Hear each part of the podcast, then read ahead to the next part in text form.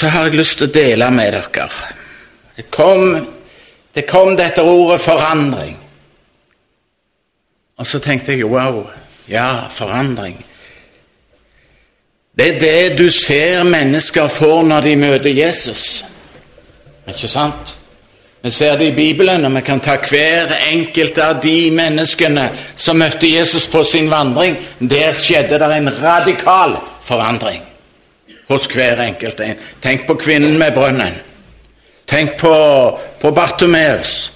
Tenk på denne dama som ble slept inn i tempelet, tatt på fersk gjerning i hor. Tenk på han som lå der med Betesta dam i 38 år. Etter et møte med Jesus så skjedde det en radikal forandring i livet hans. Og det er det vi skal få lov til å kjenne òg i våre liv. Vi har kjent det. Den dagen vi ble frelst, så fikk vi kjenne denne radikale forandringen som skjedde i vårt liv.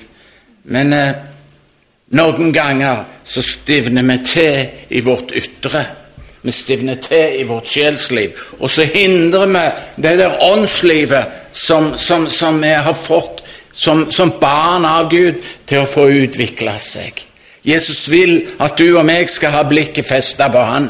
Og Derfor har jeg lyst til å begynne å åpne dette her, denne talen i dag, eller det der ordet jeg har å si, i, i, fra 2. Korinterne 3,18.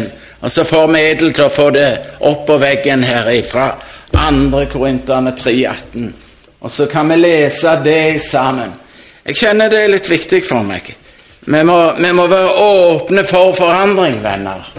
Men vi som er utildekket ansikt, ser Herrens herlighet som i et speil. Vi blir alle forvandlet til det samme bildet, fra herlighet til herlighet som av Herrens ånd.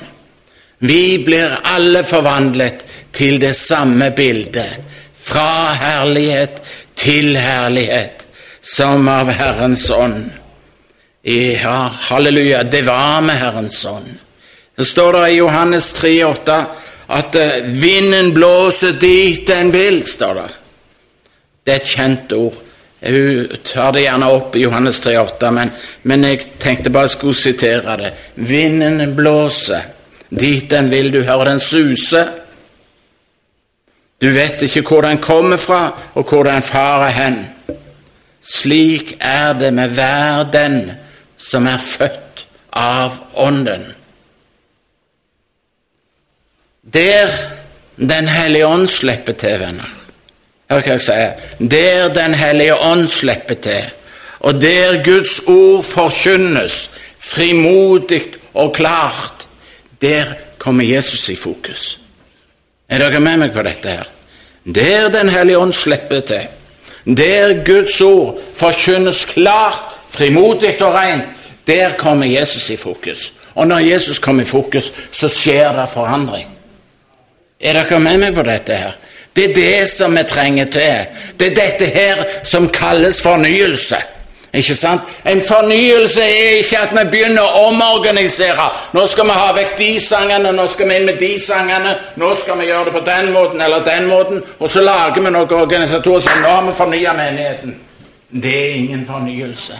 En fornyelse er når vi tillater Den hellige ånd å få virke midt iblant oss. Og når Guds ord forkynnes klart og rent, halleluja, hva skjer da? Jo, da kommer Jesus, vet du. Kongenes konge. Det pekes på han både fra ånden og fra ordet. Og så levende gjør Jesus for oss, og så kommer forandringen, og så kommer fornyelsen. Halleluja! Vi hadde dette ordet her. Men vi som er utildekket ansikt, ser Herrens ærlighet som i et speil, blir omskapt til det samme bildet, fra herlighet til herlighet. Guds ord og Den hellige ånd, det er nøklene til forandring. Er dere med meg på det? Det er nøklene til et åndelig liv, halleluja, og til fornyelse. Når vi ser inn i ordets speil, som vi leste om her, da blir vi forvandla til det bildet som vi ser. Amen. Og den forvandlingen skjer ved Herrens ånd. Amen. Jeg syns det er så fantastisk når jeg kjente dette ordet forandring. Wow, fornyelse. Ja, forandring. Halleluja. Her ser vi dette ordet hvordan ordet og ånden det virker sammen. Ordet og ånden. Hva er det det gjør? Jo, det viser Jesus. Halleluja. Det viser Jesus rent og klart for oss. Halleluja. Han som vi fikk lov til å ha ei feststunde sammen med. Han som er sammen med oss her i dag. Halleluja. Det vi trenger, venner, det er jo en fornyelse. Kom, la ordet og ånden få lov til å lede oss, få lov til å forandre oss, få lov til å fornye oss. Ikke la oss stivne til i et eller annet mønster, sånn har vi hatt det, men vi skal la ånden og ordet få peke på Jesus. Og så skal vi få lov til å leve i den herlige fornyelsen der. Halleluja. Fornyelse det er ikke noe lettkjøpte greier, det. Jeg, jeg, har litt inntrykk av det noen ganger. ikke sant? Og så bytter de jo det lovsangstimen, for nå var plutselig det ikke populært mer, og så setter vi inn noen andre, for da kan vi treffe den og den type folk. ikke sant? Og så tar vi de og de lovsangskorene, og så er det de der fysiske forandringene som skjer i menighetene. Det skaper ingen fornyelse, venner. Det skaper ingen forandring. Det kunne gjerne se sånn ut, venner. Men eh, det vi trenger, en fornyelse. Kom, lar ord og ånd lede oss og forandre oss. Amen. Det er min bønn. Å være klar til forandring. Å være klar til forandring. Jeg kjenner jeg vil være klar til forandring. Jeg håper du vil være klar til forandring. Denne menigheten Å, la forandringen få være en del av denne menigheten. Halleluja. Det er tragisk, venner, hvis vi hele veien har behov for å ha alt under kontroll. Er dere med på det? Hvis det er sånn at alt skal være under kontroll, det skal være akkurat sånn som det var før, sånn som vi har bestemt, sånn skal det være. Da er det tragisk, ser du. Vi må ha alt planlagt til den minste detalj. Det var godt jeg hørte det var en som sa det. Her er det de frie. her kan vi gjøre gammel. Og det er sånn det skal være. Som Ånden leder oss i det, så skal vi få lov til det. Når Jesus han blir herliggjort gjennom Ånden og gjennom ordet som blir forkynt. Hvis vi nøyaktig må vite hva som, hva som skal skje i lang tid framover, så er det i grunnen tragisk, for det vil begrense oss, venner.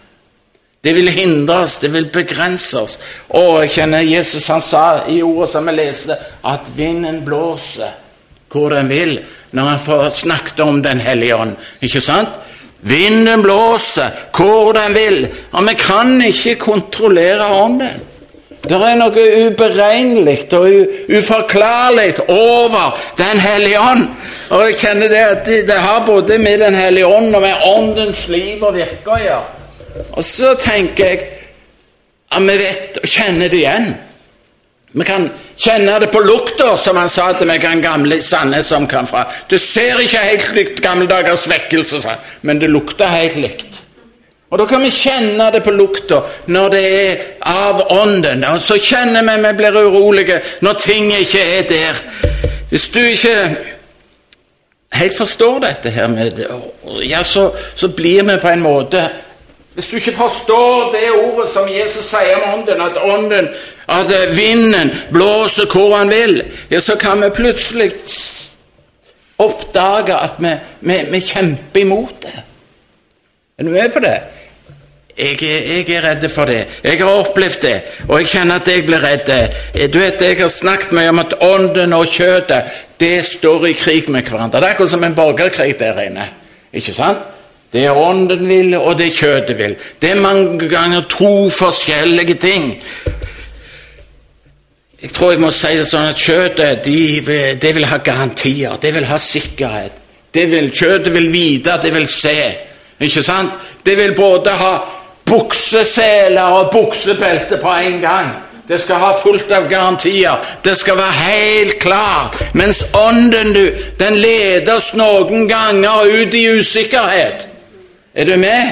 Det er livet med Gud. Og så ledes det ut i usikker til en tilværelse, om det er oppe i Vardø eller hvor det er, hvor vi ikke alltid har alle svarene. Og så blir det ikke sikkert, og så blir det litt usikkert. Allikevel så trenger vi ikke være bekymra om han kalles til Vardø, eller om han kalles til Kongo, eller hvor det enn er på denne jorda han kalles, fordi at han har lov til å være med. Gud har lov til å være med i vår hverdag. Gud har lov til å være med når vi står midt i denne tjenesten som han har kalt oss til. Og så må vi bare få lov til Jeg kjenner jeg må jeg må lære meg å akseptere forandringer. Ikke sant? Det er en del av mitt liv og en del av min prosess. For en del av de forandringene er av Den hellige ånd. Og så kjenner jeg jeg må bare få lov til å ta imot det. Når jeg leser menighetsstatistikk, så ser jeg jo det at, eh, at de fleste som blir frelst, de blir frelst i en alder av 16 til 21 år. Det er ganske mange flere i den aldersgruppa enn i andre aldersgrupper som blir frelst. Og jeg tenker ja, kanskje det kommer av at vi er litt mer påvirkelige da, vi er litt mer fleksible i den alderen, og så har vi ikke så mye å tape. Jeg tror det kan ha noe med det igjen. Når vi da blir jeg tror jeg kan si her pluss 40, så har vi så, så, så etter pluss 40 så ser vi at det er vanskeligere å nå mennesker med en radikal forandring. Mennesker sliter fordi at de har, nå har de fått eiendom. Nå har de fått noe som, som de må passe på. Nå det, har de fått posisjoner, de har fått relasjoner, de har fått røtter som er blitt forankra. I gamle dager så sa de de var blitt mer jordbonde. Ikke sant? En blir bundet til denne jorda. Det er et fryktelig ord, men det er en sannhet i det. En blir mer og mer jordbonden. Det minner meg litt om, om denne her gutten som kom inn til bestefaren sin og hadde sagt han hadde drømt om at han skulle reise til himmelen. ikke sant? Og så sier han kan tro det var et syn. Og far, ja, Bestefar spurte så du om jeg fikk være med. Ja, farfar, du prøvde å være med, du òg, men du hadde så mye jord på føttene dine. Og så kjenner jeg jeg blir redd noen ganger når jeg tenker på mitt liv. Jeg er så jordbunden at jeg ikke nås av de himmelske strømninger som kommer. Jeg så jordbonden at jeg ikke klarer å si nei til det som jeg skal si nei til, og ja til det som jeg skal si ja til. Er det sånn i mitt liv at alle disse jordiske eiendeler som vi eier og har, binder så mye at vi ikke kan helt komme ut i frihet? ja, da trenger vi en radikalt møte med Jesus Kristus på ny. Amen. Da trenger vi en forandring, venner. Og jeg kjenner jeg taler til meg sjøl som jeg taler til dere. Jeg kjenner det har noe med penger, det har noe med materialisme Det har noe når Gert Ove står her og sier 'vi mangler penger', og så kjenner vi at kan vi nå gi så mye, da? Og så kommer vi inn på dette her som, som binder så utrolig fast. Og så har vi dårlig samvittighet fordi at vi ikke har vært ute og vitna. Og så hadde vi en eller annen på jobben i dag hvor jeg i grunnen bare lo og sa ja, ha, ha, ha, og så gikk jeg videre. Hvor jeg burde stått opp og fortalt 'jeg vet veien'. Jeg har møtt han, så er veien sannheten og livet. Og så kommer vi inn på områder som binder så fast, og jeg tror det har med å bli sånn jordbonde Venner, vi trenger kanskje på nye dag, her i begynnelsen av dette året, et nytt møte med den levende Jesus Kristus. Han som virkelig kan sette fri. Derfor trenger vi å få komme inn under forkynnelse som er klar og ren og tydelige. Og vi trenger å kjenne at det er en grobunn for Den hellige ånd midt iblant oss og i våre hjerter. For Den hellige ånd er ikke sånn som jeg som står og brøler. Han forsiktige, stille stemme som kommer til oss. Gå den veien, ikke den. Og da er det så lett for oss å overse, fordi at vi ser vandene vi skal Ja, vi summer på det. Hvem var det som sa det? Vi summer på den måten, ikke på den måten. Og det er å krave til seg. Men venner,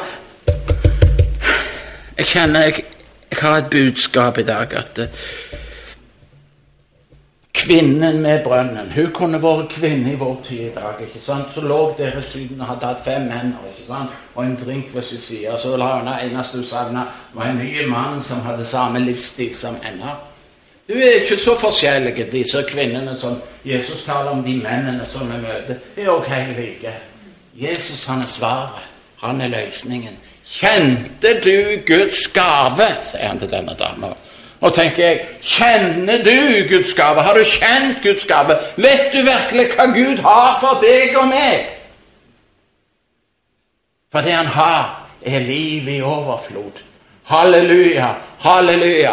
Jeg skal få lov til å stole på at eh, Han er min Herre, Han er min Gud. Men venner, vi trenger noen ganger forandring. Og noen ganger så ser jeg jeg ser i Bibelen iallfall en som hadde en voldsom forandring, og det var Peter. Og når jeg tenker på forandring, så tenker jeg mange ganger på Peter.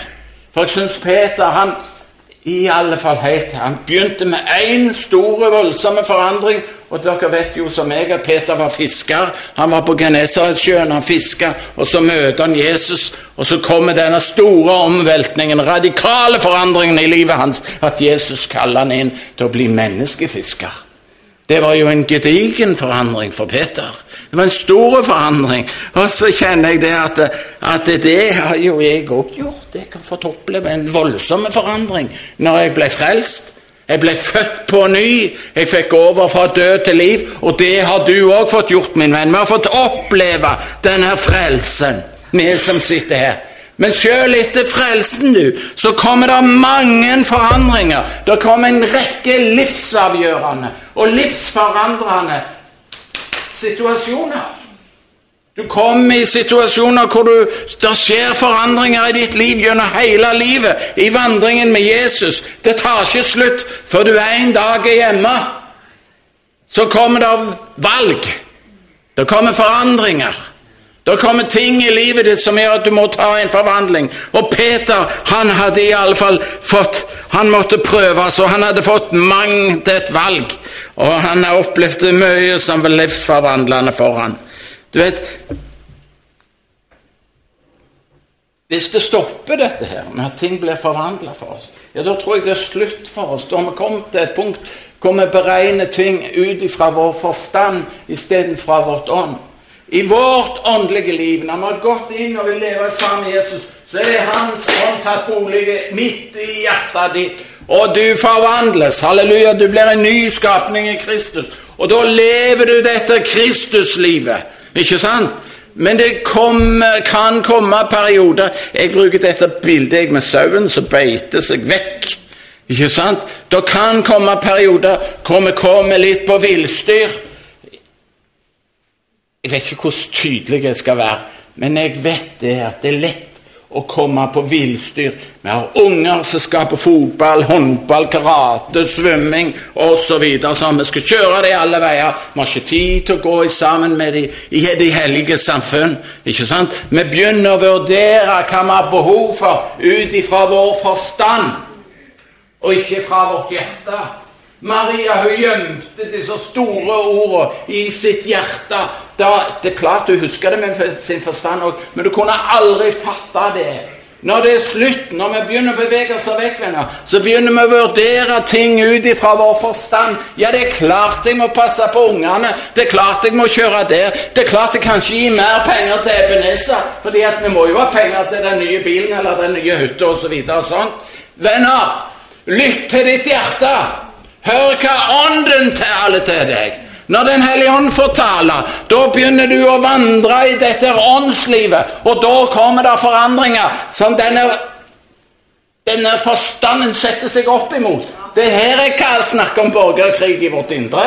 ikke sant? Det er total borgerkrig mellom forstanden vårt og vårt hjerte.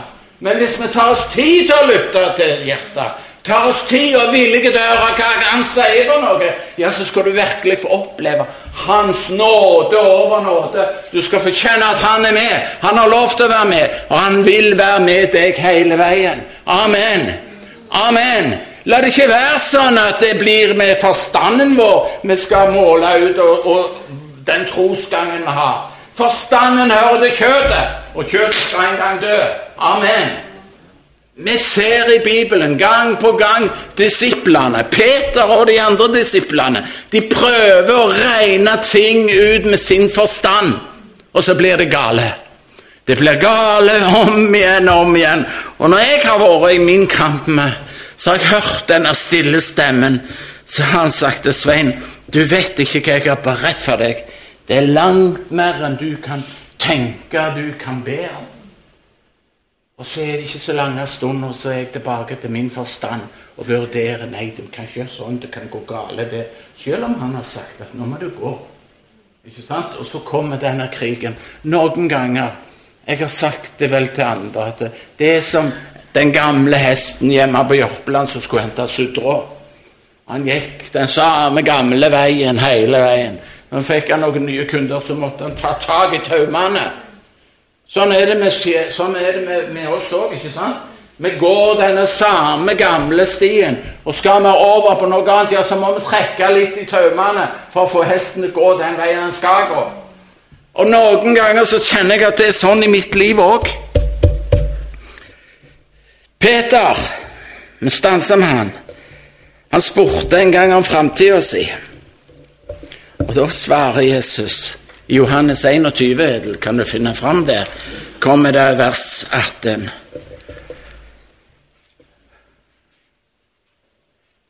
Sannelig, sannelig, sier jeg deg, da du var yngre, bandt du selv opp om deg og gikk dit du ville.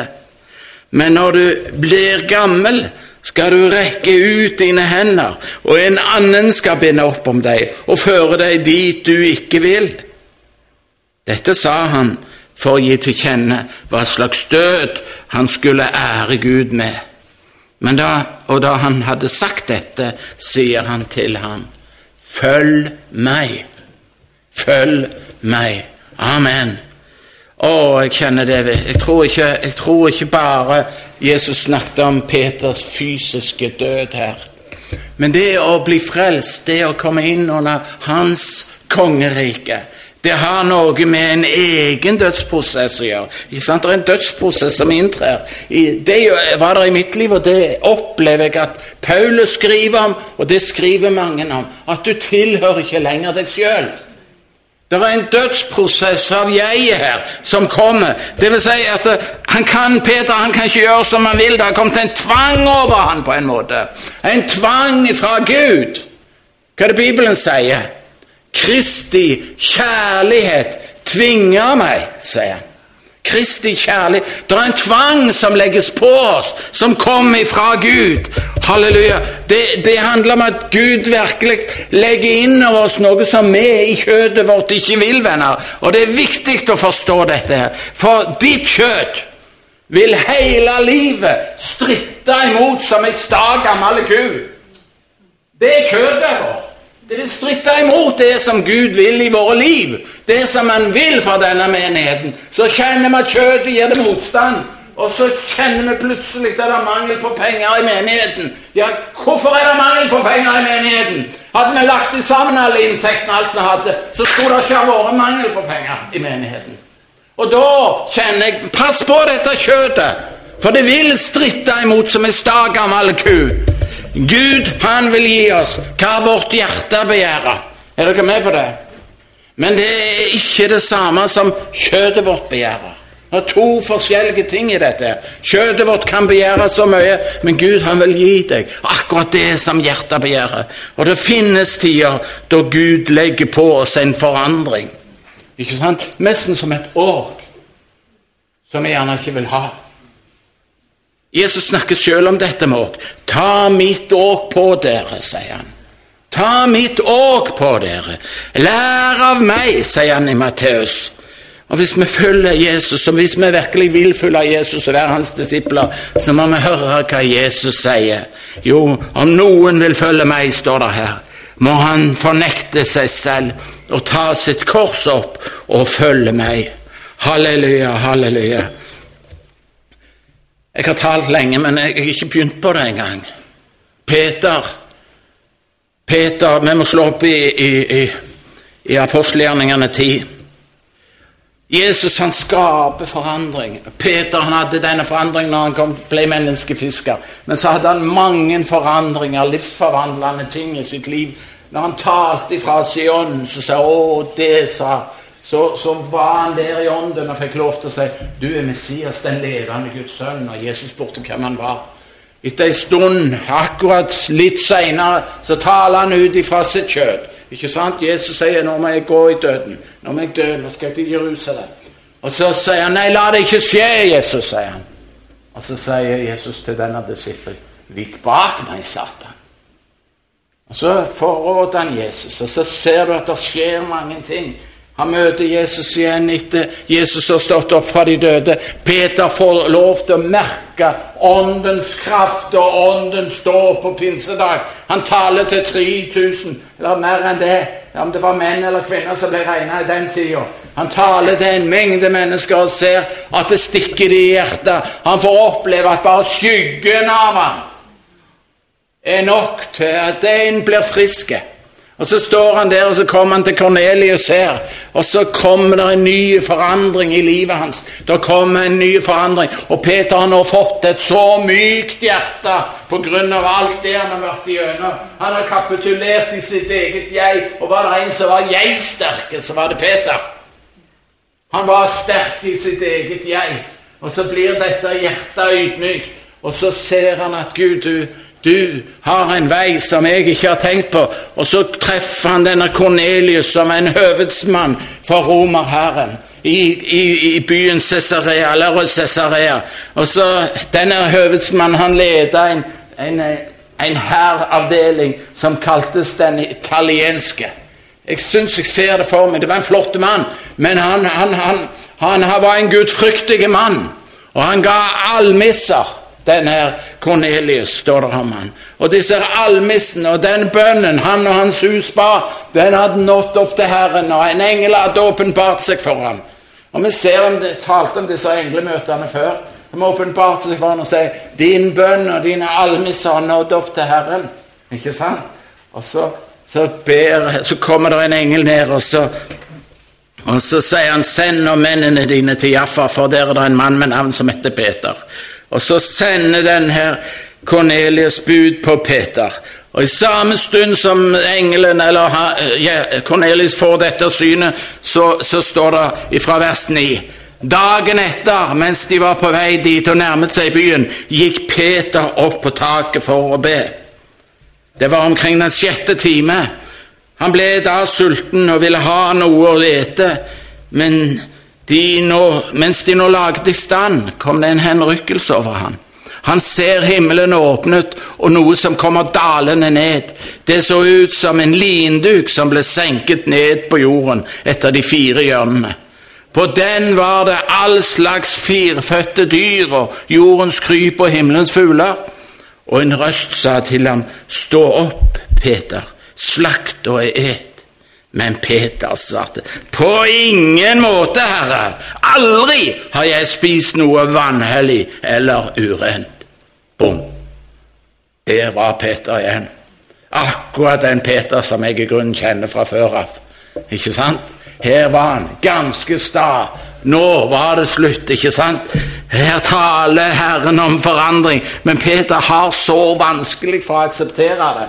Og så tenker jeg hvis Peter har vanskelig for å akseptere en forandring, så har jammen jeg og du det òg. Er dere med på det? Jeg er sikker at Peter hadde vært gjennom ganske mye, men hjertet var blitt mykt. Men forandring som kom ovenfra, som kom som en åpenbaring, den var vanskelig til å akseptere. Hvis Peter har problemer med det, så vil iallfall jeg òg ha det. Ikke sant?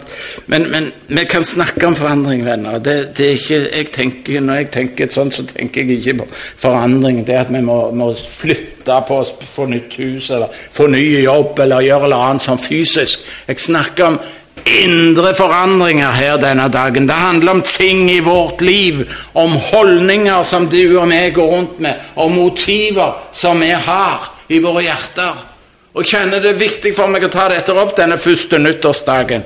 Det er ikke så mye, det er mye dypere det enn en fysisk forandring. Det kan jo være at vi får en fysisk forandring òg, som gjør at vi, vi, må slutte arbeid eller å flytte eller noe sånt noe. Men eh, det kan like gjerne være det verste vi gjør det, for det flytter med oss, det vi skal gjøre i vårt indre. Og vi har noen holdninger, og vi har noen, vi har noen holdninger, vi har noen motiver. Og Gud han er på jakt her etter å jobbe med Peters motiv. Petters sine holdninger. Og så ser vi svaret komme. Vi kan lese det siste òg. Jeg, skal En røst kom igjen til ham for andre gang. Det som Gud har renset, skal ikke du kalle urent. Dette hendte tre ganger, og så ble duken straks tatt opp til himmelen igjen. Men mens Peter var i villrede med, med, seg selv om hva dette synet som, som han hadde skulle bety, se, da sto de menn som var utsendt fra Kornelius ved døren. De hadde spurt seg fram til Simons hus. Nå ropte de inn og spurte om Simon med tilnavnet Peter var gjest der. Men Peter grunnet på synet og sa til Mens Peter grunnet på synet, sa Ånden til ham Se, her er tre menn som leter etter deg. Stå opp, gå med, følg med dem, uten å tvile, for det er jeg som har sendt dem. Halleluja, det er jeg som har sendt dem. Da fikk han svar på tiltale. Jeg tenker, det med deg som er meg Noen ganger i livet så kommer det sånne situasjoner før jul så talte jeg om et englemøte. Husker dere det englemøter og engler? Jeg talte om Jakob. Han møtte en engel når han var på vei hjem. Han var rik, han var blitt mektig men Han skulle hjem, kom til elv, der sto Herrens engel. Og han måtte kjempe med Herrens engel en hel natt. Jeg vet ikke om dere minnes det, men sånn tenker jeg når jeg noen ganger, når Gud vil gjøre en forandring i mitt liv, så er det noen ganger sånn at jeg ikke ser det. Og så tror jeg gjerne at jeg har en kamp mot djevelen og vet at han kan komme som lysets engel, eller han kan komme som ei brølende løve, men når jeg finner ut her er det noe annet, så er det noen ganger Én eller to ganger i mitt liv har jeg hatt noen sånne Jakobs kamp med Gud. Jeg får dette bildet akkurat om denne engelen og Jakob som kjemper der ei hel natt. Og noen ganger vil Gud forandringer i vårt liv, og så tror vi kanskje det er djevelen som prøver å ødelegge oss, men så er det Gud. Det blir på en måte en brytekamp med Gud, mellom ånd og mellom kjøtt, og noen ganger blir det virkelig en stor kamp. For Jakobs del så gikk det nok på at Jakob han, han, hadde, han hadde fått en egen vilje, han var mektig, han han ville gå sin egen vei. Han ville gjøre det han ville. Og så var det motstand mot å gjøre det Gud ville. Gud ville møte Jakob. Gud hadde en plan med Jakob. Gud, det, det, var ikke men, Guds mening å ødelegge Jakob. Nei, nei, nei. Jakob, han skulle, han skulle Gud virkelig møte. Halleluja. Han skulle han gjøre det i Israel. Han skulle bli få et nytt navn, og han, han skulle bli høvding for, for Gud.